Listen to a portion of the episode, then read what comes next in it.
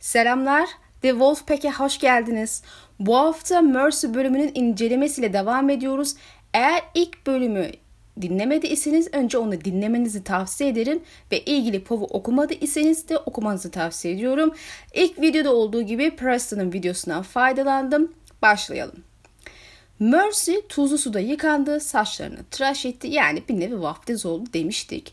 Dışarı çıkmak için hazırdır. Mercy Mercy diyerek şarkı söyleyerek kendini dışarı atıyor ve kapıya doğru yola çıkıyor. Yani bölge olarak bir kapı yani gerçek kapı değil bu. Ailenin zaman zaman şarkı söylemeyi sevdiğini biliyoruz. Genelde çok mutlu hissettiği zaman yapıyor bunu. Bu sırada kendisiyle ilgili dikkat çekici e, bir şeyler öğreniyoruz. Evini ucuza tutma neden olarak iki sebepten bahsediyor. İlki 5. katta olması yani yükseklerde olması. ikinci ise gülümsemesi yüzündenmiş. Bina 5 katlıydı ve zaten bu yüzden odasını bu kadar ucuza tutabilmişti. Hem bu yüzden hem de merhametin gülümsemesi yüzünden. Kel ve sıska olabilirdi ama merhametin tatlı bir gülümsemesi ve zarafeti vardı. İzen Baro bile buna onun zarif olduğunu kabul etmişti. Bir önceki videoda Mercy'nin tatlı gülümsemesine dikkat çekmiştim ve tatlı kuramına bağlamıştım. Bölümün ilerleyen kısımlarında bu gülümsemeye daha fazla dikkat çekiliyor. Gördüğünüz gibi üstünde duruluyor. Boşa değildir herhalde diye diyoruz ister istemez. Elbette meselenin sadece tatlı kuramı ile ilgili balans olduğunu iddiasında bulunamayız. Burada bilhassa dikkat çeken kısım karakterin e, gülümsemesi sayesinde odasını kirasını ucuza getirmesi. Yani açıkça ev sahibine kur yapmış, flört etmiş. Önceki videolarda ne demiştim? Mercy Pov'u Arya'nın sadece zihinsel olarak yeniden doğumu, değişimi değil ayrıca biyolojik olarak da değişimi ile ilgiliydi. Kanımca Martin tüm bölüm boyunca Arya'nın artık büyüdüğünü, cinsel uyanışını gerçekleştirdiğini ve kadınını artık Cersei ve Ariana gibi silah gibi kullanmaya başladığını göstermek istemiş ki bölümün sonuna geldiğimizde bunu uygulama olarak da daha net göreceğiz. Yol boyunca başkaları ile de kurla, kur yaptığını e, ve onları gülümsediğini görebiliyoruz Arya'nın. Aslında bunu ileride yapmayı istediğim e, videolarda hani roman yazma teknikleri videosunda e, belirtmek istiyordum ama aslında bu biraz da e, modern kadın kahraman kuramının e, bir neticesinde Arya'nın bu değişimini Martin gösteriyor. Orada da kadın ilk başladığında hikaye işte bütün e, kadınlığa dair şeyleri red eder. klasik kadın şeyinden çıkar. Ama zaman içerisinde yol boyunca öyle bir noktaya gelir ki psikolojik olarak artık kadınlığını kabul ettiği onu benimsediği noktaya gelir e, karakter. Arya'nın muhabbeti de tam olarak aslında bu. Bu yüzden böyle bir değişim geçiriyor. Devam edelim alıntıyla. Rıhtımdan geçerken denizciler ona selam verirlerdi. Siyah renkli balina avcıları İbenliler ve Vestorus'a gökelerin güvertelerinden seslenirlerdi. Merhamet ona söylenenleri anlamıyormuş gibi davranırdı ama aslında tüm söylenenleri anlardı. Bazen onları gülümser ve yeterli paraları varsa onu kapıda bulabileceklerini söylerdi. Tipik Martin anlatmak yerini bize göstermiş ve bu kısım aslında Sansa ile başka bir ortak nokta daha doğurdu. Ne demiştik? Arya ve Sansa artık gizli kimliklerle gizlenerek yaşamak zorunda ve ikisi de büründükleri sahte kimliklerini adeta yaşıyor. Diğer ortak nokta ise ikisi de kadınlığını kullanmaya başlıyor, keşfediyor. Aleyna'nın 6. kitap povunu, povu ile Mercy'nin 6. kitap povunun kadınlığını kullanma üstüne olması dikkat çekici bir ortak özellikler iki kız kardeş arasında. Haliyle sadece Arya değil Sansa için de aynı şeyi göstermek istemiş diyebiliriz yazar için. Bu sahte kimlik isimleriyle ilgili bir şey daha değineyim. Martin sonradan aklına gelen muziplikle karakterlerin isimlerini değil nasıl hissedip kendilerini nasıl görüp tanımladıklarına göre pop isimlendirmesi yapmaya başladı. Dördüncü kitaptan itibaren yapıyor bunu. Misal Sansa'dan Aleyna'ya evrildi çünkü artık kendisini Aleyna gibi görüyordu. Ailede işte kanalların kedisine dönüştü ki aslında bu fikir evvelden aklına gelseydi ikinci kitapta isim değişmeye başlardı. Keza diğer karakterlerle de benzer dönüşümler var. Martin Sansa bunu şöyle tanımlamıştı. Ona Sandor ve Sansa'nın buluşup buluşmayacaklarını sorduklarında neden Tazo öldü ve Sansa da ölü olabilir. Sadece Alena Stone var demişti. Elbette Sansa asla ölmedi ama artık ortalıkta görünmüyor. Sadece Aleyna var. Ayrıca soruya verilen cevaba dikkat ederseniz tazı öldü diyor Martin Sandor demiyor. Kitaptaki rahip de tazı öldü deyip duruyordu. Yani bundan sonra sadece Sandor olacak. Lafı gelmişken araya sıkıştırayım bunu. Şimdi devam edelim. Sis dağılır gibi olup o geçerken tekrar etrafında toplanıyordu. Parket taşları ıslak ve kaygandı. Bir kedinin acı bir sesle miyavladığını duydu. Bravos kediler için çok uygun bir şehirdi ve şehrin her yerinde dolanırlardı. Özellikle de geceleri. Sisin içindeyken bütün kediler gridir diye düşünün merhamet. Sisin içindeyken bütün insanlar katildir. Daha önce hiç bu kadar yoğun sisle karşılaşmamıştı. Daha büyük kanallardaki kayıkçılar birbirine çarpıyor, iki yanlarındaki binaların loş ışıkları bu siste işlerine yaramıyordu. Bravos ve Ay videomda kediler konusunda yorumlamada bulunmuştum. Bununla beraber Arya'nın Cat ismiyle bir dönem dolandığını ve bölüm isminin kanalların kedisi olduğunu ve aynı bölümde şarkıcıyı öldürdüğünü unutmayalım. Arya öldürmeye karar verdiğinde aslında evvelden planını yapmıştı ve onunla beraber kanalların kanalın üstünden e, akşamsı birikirken yürümüştü ve onu öldürmüştü. Aynı kitabın açılış bölümünde de Pate e, akşam sisinin içinde Jackson ile buluşuyor ve öldürülüyor. Siz cinayet işlemek için mükemmel bir kamuflaj sunar çünkü kimse sizi görmeyecektir. Unutmayın ki kurtlar da puslu havayı sever çünkü bu şekilde avını yakalamak daha kolaydır. Arya da bir kurttur. Burada gene sis ve öldürme ile ilgili Jack'ın paralel bir sahne görmüş olduk. Martin açıkça bu sahneleri olaylara dikkat çekiyor. Sizin içinde tüm insanlar katildir. Ayrıca tüm kediler gridir derken Arya'nın Stark renklerine gönderme yapıyor olabilir. Lakin asıl mesele muhtemelen bu değil. Preston videosunda bu söz üzerinde durmuş ve Benjamin Franklin'in ağzından çıktığı söylenen eski bir deyişle benzerlik gösterdiğini belirtmiş. Karanlıkta her kedi gridir. Elbette işin özünde bu atasözü 15. yüzyıla kadar kadar gidiyor ve sanırım Fransa temelli. Hatta Doğu Avrupa'da da karanlıkta her kedi siyahtır şeklinde söyleniyormuş. E, bu ilk aşama böyle bir cinsel göndermeli bir değiş demiş videoda. E, karanlık söz konusu olduğunda dış görünümün önemini kalmadığını anlatıyor. Sir High Hunt Brannier karanlıkta her kadın kadar güzel olacağını, dudaklarının öpülmek için olduğunu söyler ve bu şekilde onun dış görünüşünü dert etmediğini ifade eder. Hani evlenmek falan istiyor ya onunla. E, Jamie rüyasındayken loş bir ışıkta ki bu yarı karanlık demek Brenny'i gözüne neredeyse güzel görmüştü. Öyle demişti. E, Preston sadece bu örnek üstünde durmuş ama bence olan basitçe böyle bir cinsel göndermeden öteye gitmiş durumda. İlk kitapta da net ve serçe parmak konuşmasında gözünü kapa ve öt tarzı bir sohbet olmuştu. Hoşa gitmeyen ama yapılması gereken mes- meseleler üzerine yapılan bir mecazdı.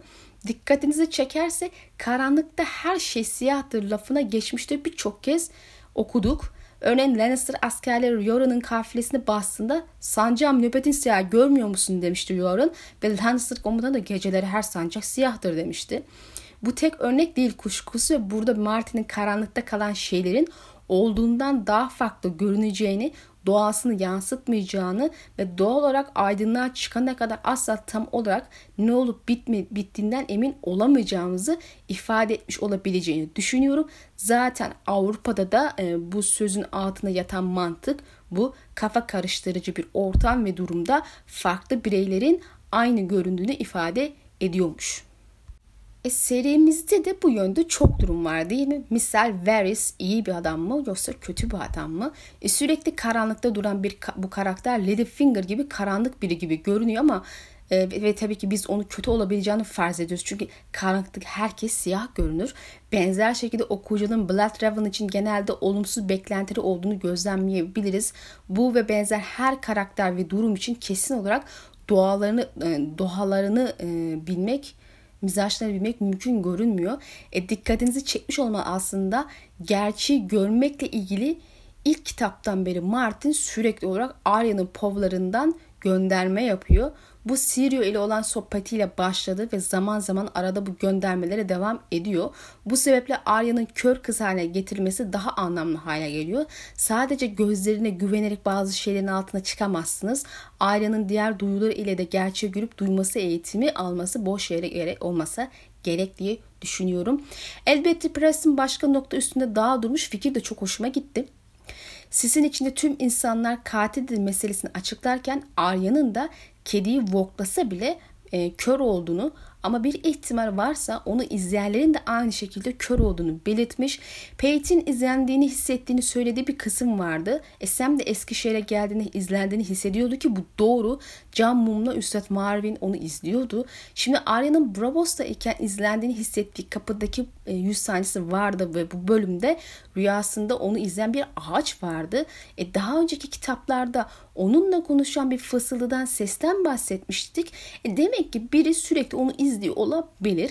Eğer devamlı izleniyorsa bu gece siz her zamankinden daha yoğun Boravos'ta öyle ki Arya daha önce böyle yoğun bir sis görmemiş. Bu durumda eğer varsa onu ağaç, cam mum ile izleyen ya da işte yüzsüzlerin casusu varsa peşine taktığı Arya'yı ve yaptıklarını göremeyecek diye bir öneride bulunmuş. E bu da bence gayet yerinde olur çünkü Arya daha sonra tatlı Rafa öldürecek ama bu kısmı sadece onu sihirli bir şekilde izleyenlere karşı değil, cinayete tanıklık etme olası olabilecek sıradan insanlara karşı da faydalı olacak bir şey olarak görmemiz lazım. Yani bu gece Arya'nın cinayet işlemesi ve bu cinayet üstünde komplo kurarak Lannister elçisinin elini boş gidip ilişkiyi koparmalarını isteyerek ya da istemeyerek sebep olması için bu gece mükemmel bir ortam doğuruyor. Unutmamak gerekir ki daha sonra onu kanala atması gerekecek. E, evde kaldı e, cesedi. Tabi o kısmı daha gel- geleceğiz. E, koca bir adamın cesedini sürüklerken bir, birilerinin sizi görme olası yüksektir ama bu kadar yoğun bir sis ortamında istese bile kimse sizi göremeyecektir. Pov'un başındaki e, kanaldaki adam adama da saati sorduğunda adam sesin kaynağını aramıştı ama bariz ki e, Arya'yı göremediydi. Lakin Martin'in sis mecası ile, vermeye çalıştığı mesaj bundan daha fazlası gibi aslında dolaylı şekilde Yüzüklerin Efendisi'ne ve doğrudan e, Platon'un Cumhuriyet kitabındaki bir hikaye gönderme yapıyor ola bilir. Zaten Tolkien'de e, yüzük mecazını bu hikayeden esinlenmiş dersek yanlış olmayacaktır. Lidyalı bir çoban şans eseri bulduğu Light'teki ceset üstünde bir yüzük var e, görür ve onu alır. Yüzük sayesinde görünmez olabildiğini fark eder ve bunu servet kazanmak, güç e, kazanmak için kullanır. Hatta Kraliçenin aklına girip kralı öldürerek yeni Lidya kralı olur. Elbette eninde sonunda yaptıkları ortaya çıkar ve halk tarafından linç edilirler. Adam tüm bunları onu gören duyan kimse yok diye yapar. Yani onu gören kimse olmadığına kanaat getirdiğinde ve eline güç imkanı geçtiğinde cezalandırmayacağını düşündüğünde her şeyi kötü amaçla kullanır kişisel çıkar için yapar. E bu da sizin aslında gerçek ahlakınızı ortaya çıkartıyor. Kimse görmezken e, suç işler misiniz? Kimse size dokunamaz gibi göründüğünde gücünüzü kötüye kullanır mısınız? Güç elde ettiğinizde sapıtır mısınız? Bu aslında tüm serideki ana odak nokta. Güç için yapılanlar ve gücün yoldan saptırdığı karakterler amaçları ne kadar yüce ve salih olursa olsun. Melisande Pavun'da bile güç meselesinin gönderme yapıldığını gördük. Kontrol edilmesi zor olduğundan bahsetmişti. En başından beri kişisel çıkar için güç peşine koşup onu bu amaçla kullananlar var ama tam tersi olanlar da var. Cersei kraliçelik makamıyla güç elde eder ama bunu kişisel çıkarları için kullanır. Deni de aynı şekilde güç elde eder ama bunu kişisel çıkar için değil halkı için kullanır. E Martin ataerkil dünyadaki iki kraliçenin gücü ne şekilde kullandığını resmetmek istemiştir. Bununla beraber gücün zamanla kişileri yoldan çıkartabileceği de bir gerçektir. Kimi insan e, gerçekte e, maskelediği doğasını ortaya çıkartır bu güç derken kimi kişi en ahlaklı insanı bile yozlaştırır diye yorum yapıyor ama neticede yozlaştırma işi meydana çıkıyor yani. E, Stannis bence gücün yoldan çıkarmaya başlayacak karakterlerden ki sonunu biraz da bu güç arayışı getirecek. Niyeti bu kadar iyi ve yüce olursa olsun fark etmiyor. Yani kızını yakacağı bir e, noktaya kadar gelecek biri güç arayışında gücün kölesi olmuştur. Araç amaca dönüşür ve siz farkına bile varmazsınız. E diğer yandan Reni de güç peşinde koşan bu uğurda ağabeyinin hakkına göz diken hain bir kardeş haline geldi. Ve muhtemelen Cersei gibi gücü elde edince ne yapacağını bilemeyen ve bu uğurda pisi pisin ölen biridir. Ama iki kardeşin ortak düşmana karşı birlikte olmak verken güç için birbiriyle savaşı unutulmamalı. Burada ikisinin durumu farklı haklı olan Lannister tartışmasına girmeyeceğim. Mesele kim haklı kim haksız olmasının çok daha ötesinde bir şey. E, Diğer yandan en bariz Baratheon kardeş Robert'ın kendisidir. İktidar olunca neye dönüştüğünü gördük hem görünüş olarak hem de kişilik olarak. E, Rob bile tacın gücünü taşıyabilecek eğilde biri değildi. Onun için çok daha erkendi daha. Erken açan çiçek misali gücün altında ezilip öldü ve krallığını da kaybetti. Yani Martin her şekilde e, bu güç meselesini işliyor, gösteriyor insanlara ne yaptığını. İşte erkenden alırsın ya işte e, iyi niyetli olsam bile işte güç elde etmeye çalıştığında farkında olmadan gücü seni nasıl yozlaştırdığını vesaire her şeyden bahsediyor. Bu güzel bir e, tema bence. Martin'in kafasına girip kesin bir şey söylemek tabii ki de mümkün değildir. Ama hani sisin içinde tüm insanlar katildir derken insanın doğasında kimse sizi görmüyor iken suç işlersiniz, yoldan saparsınız düşüncesi hakim olabilir. Ve bize bu sosyo-psikolojik mesajı vermek istemiş olabilir. E şüphesiz böyle insanlar çokça da var yani.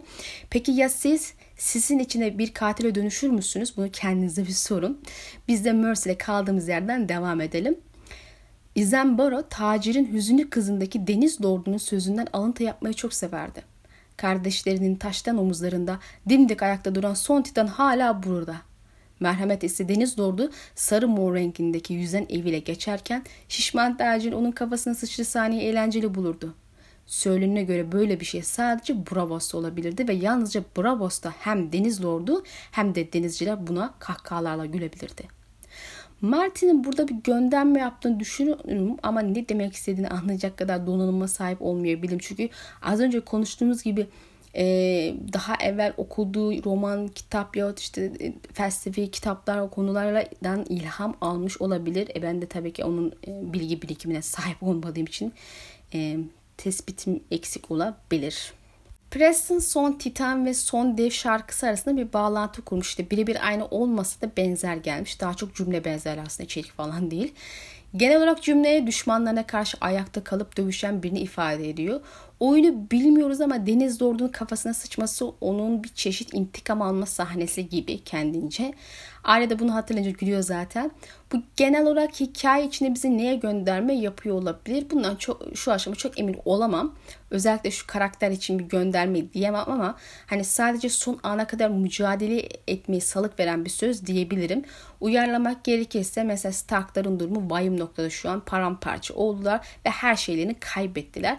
Yine de hepsi kendi çabasıyla sonuna kadar hayatta kalmak için mücadele ediyor ve biliyoruz ki kurtlar evine geri dönecek. Ondan sonra da işte intikam peşine düşen üyeleri olacak diyebiliriz aile gibi belki hepsi birden. Büyük Brosco oynadıkları bu son oyunun adını girişin yanına boyayarak yazmıştı. Büyük ve kırmızı harflerle zalim el yazıyordu. Ayrıca okuma bilmeyenler için zalim elin kanlı bir resmini de çizmişti. Merhamet resme bakmak için durdu. Bu güzel bir el dedi. Baş parmağı kıvrık olmuş. Brusco hafifçe fırçasını oraya sürttü. Kafa karıştırmadan söyleyelim. Büyük Brusco ile kanalların kedisinin yanında çalışan balıkçı Brusco'nun ilgisi yok. İkisi farklı kişiler. Martin hani okuyucunun kafası karışmasın diye aynı isimde birden fazla karakter yazma kuralını bu seride kırdığını biliyoruz. Çünkü gerçekçi olalım. Hani gerçek hayat böyle değildir. Hayatınızda e, çevrenizde birden fazla Ahmet ve Ayşe tanırsınız. Bazen aynı anda bazen başka zamanlarda yani sonuçta vardır. Yazarları okuyucuları böyle embesil muamelesi yapmamasını tercih ederim. Yani gerçek hayatta kafamız karışmıyor ise okurken de karışmaması gerekir. Hani karışan varsa onun sorun artık alışırıyla. İlk videoda söylemiştim e, oyun Tyrion hakkında ve zalim el oyunu bu bizim böyle küçük iblisin yaptığı kötü şeyleri anlatıyormuş. Ayrıca zalimliği vurgulamak için kanlı bir el görüntüsü çiziliyor. Aslında bu oyun bize Tyrion'un Essos'ta bile kötü adam olarak bilindiği, öyle görüldüğünü gösteriyor. Çünkü Cersei ve çevresi hikayenin bu şekilde yayıldığından emin olmuş olsa gerek. Kanlı el için Preston Cat'in büvet ağacı betimlemesini hatırlatmıştı. Orada yaprakların kana bulanmış binlerce el gibi göründüğünü söylemişti. Burada bir şey çıkar mı çok emin değilim ama kuzeylerin büvet ağaçlarını kan kurbanı verdiklerini düşünürsek ağacın yapraklarının kanlı el gibi görünmesi çok doğaldı. Çünkü çok fazla kan içmiştir geçmişte. Kanlı el bildiğiniz üzere öldürdüğünüz ya işte ölümüne neden olmuş insanın kanını temsil eder. Haliyle Starkların ve Kuzeylerin sandığımızdan daha gaddar bir geçmiş olduğunu söyleyebiliriz. Bu son nesiller biraz yumuşamış görünüyor. E, toparlarsak Arya'nın bu eli beğenme sebebi olarak belki de büvet ağacını hatırladığı için olabilir demiş. Belki ama ben pek sanmıyorum. Farklı bir yorumum var.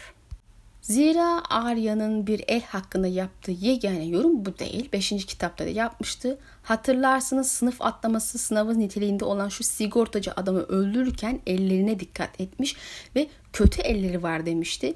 Ellerini çirkin görmüştü ve bu sebeple o adamdan da hoşlanmadı. Yani Arya birinin ellerine bakarak kötü ya da iyi biri olduğuna karar veriyor yahut verebiliyor. Bu elbette ne kadar isabetli bir yöntemdir tartışmalı. Yani sigortacı gerçekten kötü şeyler yapmış ve birçok kişinin canını yakmıştı. Bu sebeple gerçekten kötü biriydi. E diğer yandan çok sık tekrar eden bir örnek değil elimizdeki şey. Bu sebeple kıyas yapmak için yeter örnek var diyemiyoruz. Yine de bu bölümde geçen iyi el kıyas için bir şans verebiliyor bize. Bu el Tyrion'u simgeliyor. Onun kral eli olmasından dolayı zalim el ismine sahip bir oyun. Arya buna bakıyor ve bu iyi bir el diyor. Yani aslında Arya dolaylı yoldan Tyrion'un iyi biri olduğuna karar vermiş ve bunu söylüyor gibi. Elbette kanımca Martin okuyucuya kendi düşüncesini söylüyor gibi daha çok.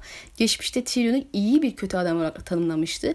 Yani evet kötü yaptığı bazı şeyler var ama genel olarak bakarsak ne bile isteye halka zarar verecek bir şey yaptı ne de gerçekten yeğenini öldürdü. Yaptığı en kötü şey babasını ve şeyi kendi elleriyle öldürmekti ama hak etmediklerini de iddia edemem yani. Gri biri ama beyaza kaçan bir gri bu sebeple iyi bir kötü adam.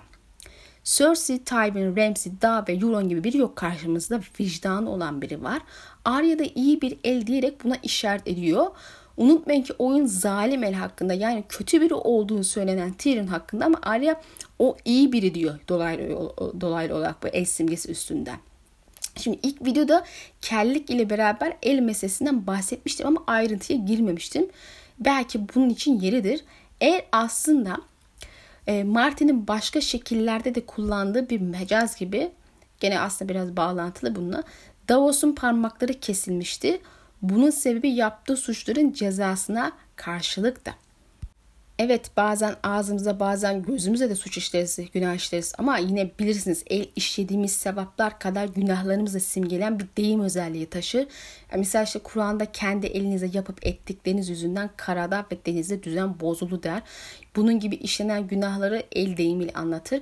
Martin de bunu kullanmış gibi görünüyor bu mantığı.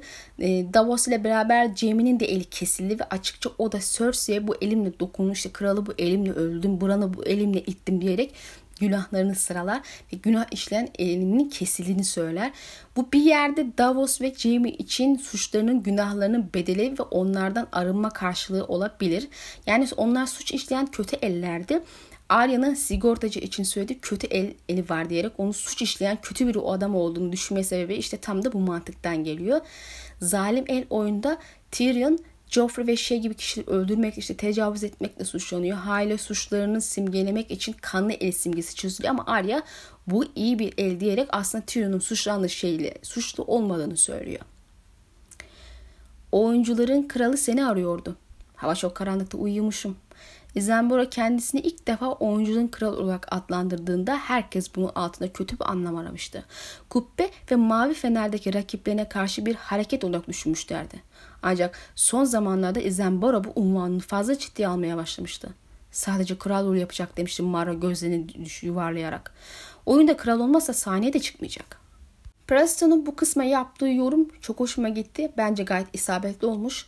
Biliyorsunuz ki serimizde kral hatta kraliçeden bol bir şey yok. Her yerden e, çık veriyor. İşte Deniz, Cersei, Margaret, Stannis ve Euron, misal e, Lord Tyrell ne olursa olsun kızını kraliçe yapmak istiyor daha aşağısını kabul etmiyor. E, Cersei ve Dany de kraliçe olup hüküm, hükmetmek hak ettiklerini e, düşündükleri konumlarını mirastan almak istiyorlar. E, Euron da daha aşağısını istemiyor. Hatta Demir Adalar Krallığından daha fazlasını istiyor. Demir tahtta oturup tüm Westeros'u istiyor. E, keza Stannis için de durum aynı. E, bunların hepsi Demir tahtı kendisi için istiyor ve bundan daha aşağısını asla ama asla kabul etmiyorlar.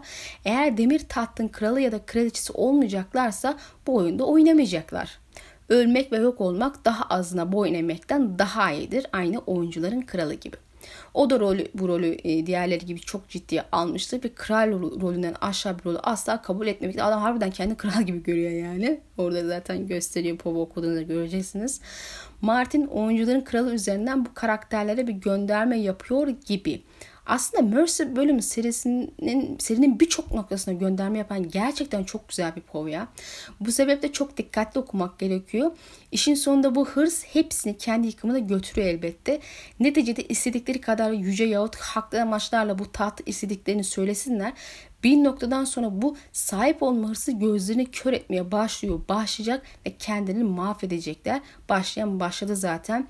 Daha önceki videolarda bahsetmiş olmam lazım. Bu demir tatlın peşine düşen herkes öyle ya da böyle sonunda ölüyor. Zalim el oyununda iki tane kral vardı. Biri şişman kral, diğeri ise çocuk kraldı. Izembaro şişman kralı oynuyordu. Pek fazla rolü yoktu ama ölürken güzel bir konuşma yapıyordu ve ölmeden önce şeytani dev gibi bir domuzla muhteşem bir mücadele veriyordu. Bu oyunu Ferrio Forel yazmıştı. Kendisi Bravos'un en gaddar yazarıydı. Tyrion başkente geldiğinde Robert çoktan toprağa karışmıştı ama belli ki oyun yazarı burada bir açılış sahnesi olarak Robert'ı eklemek istemiş. Yüksekle ihtimal Isambro'nun kral takıntısı yüzünden olabilir. Burada dikkat çeken nokta şeytane dev bir domuza dövüş sahnesi var. Robert'ın nasıl öldüğünü biliyoruz. Bu konuda hoş bir kuram vardı onu da biliyorsunuz. Bu domuzu aslında işte Blood Raven walkladı ve onu öldürdü. Robert'ı ölürken işte tek gözüne hançer saklaması e, ve piş demesi domuza bu kuramın temelini oluşturuyor. E, Blood Raven da piç kökenlidir ve üvey kardeşi tek gözünü çıkarmıştır. Belki Martin burada bu kurumu onaylayan bir göz kırpma hareketi yapmıştır. E bariz ki buradaki boğa e, do, domuz e, demonikmiş. Yani şeytan diye çevirdik ama demonik şeytani olduğu kadar doğası her türlü canlı türünde ifade ediyor. Mitoloji sisteminden hatırlayın bunu. Deri değişimlerde demonik canlılardı ve Blood ayrıca bir yeşil görendir. Yani çok uzaklardan bu işi yapabilecek güce kuramsal olarak kağıt üstünde sahip görünmekte. Dikkat çeken bir diğer ayrıntı da oyunun yazarının ismi. Fario Forel. Sirio Forel ile bir akrabalık bağı var mı şu aşamada bilmiyoruz ama soy ismi aynı. Demek burada bir aile bunlar. Serimizde ayrı ailelere aynı isimler gördüğümüzü hatırlamıyorum. Daha e, bu sebeple aynı ailenin üyesi olmaları çok olası geliyor. Ve isimler de birbirine çok benziyor. Bilirsiniz aileler bazen çocuklarına benzer isimler verme eğilimi gösterebiliyorlar. Hatta soy isim uyumlu olsun diye de bunu yapanlar var. Ayrıca biri Bravos'un en iyi kılıcıyken diğeri de en gaddar yazarıymış. Yani bir enler listesinde olmak aile de geleneği herhalde bunlarda. Eğer akrabalar ise hatta kardeş iseler bunun hikaye ne katkısı olur? Ara belki isminden yola çıkarak ona eski dostu Sirio'yu sorabilir ve o da onun çoktan öldüğünü ve şu bu sebeplerle öldüğünü söyleyebilir. Eğer kral topraklarındaki Sirio'nun Jack'ın olduğu kuramı doğru ise bu şekilde bunu onaylamış oluruz ve yüzsüzlerin en başından beri ailenin peşinde olduğundan emin oluruz, e, onaylanır. Bana göre Sirio yüksekte ihtimal onun yerini almak isteyen bir su dansçısı ki Bravos'un şu anki birinci kılıcı olan e, Caro Volantin olduğunu farz ediyorum. Onun tarafından ağır yaralandı ve o da gitti yüzsüzler evindeki suyu içerek öldü ve yüzsüzler onun yüzüne aldı. Diğerlerine yaptıkları gibi yani. Arya da o eve ilk gittiğinde yaralanmış birine su içirmişti hatırlarsınız. Yani belki buna göndermedir. Neticede ilk kılıçlar en ölümcül ve güçlü kılıç olarak kabul edilir. Ölmeden makamlarını başkana terk ettiklerini sanmıyorum. Evet bu sistem hakkında bilgi yok çok fazla ama kral muhafızları konumunda oldukları için ben bu çıkarımı yaptım. Ee, ikinci videoda artık burada bitireceğiz arkadaşlar. Ee, daha sonra Mercy'ye devam edip onu tamamen bitirmeye çalışıp ardından Tyrion'a geçmek istiyorum. İnşallah bu videoda ilginizi çeken güzel noktalara değinmişimdir. Sonraki videoda görüşmek dileğiyle Allah'a emanet olun.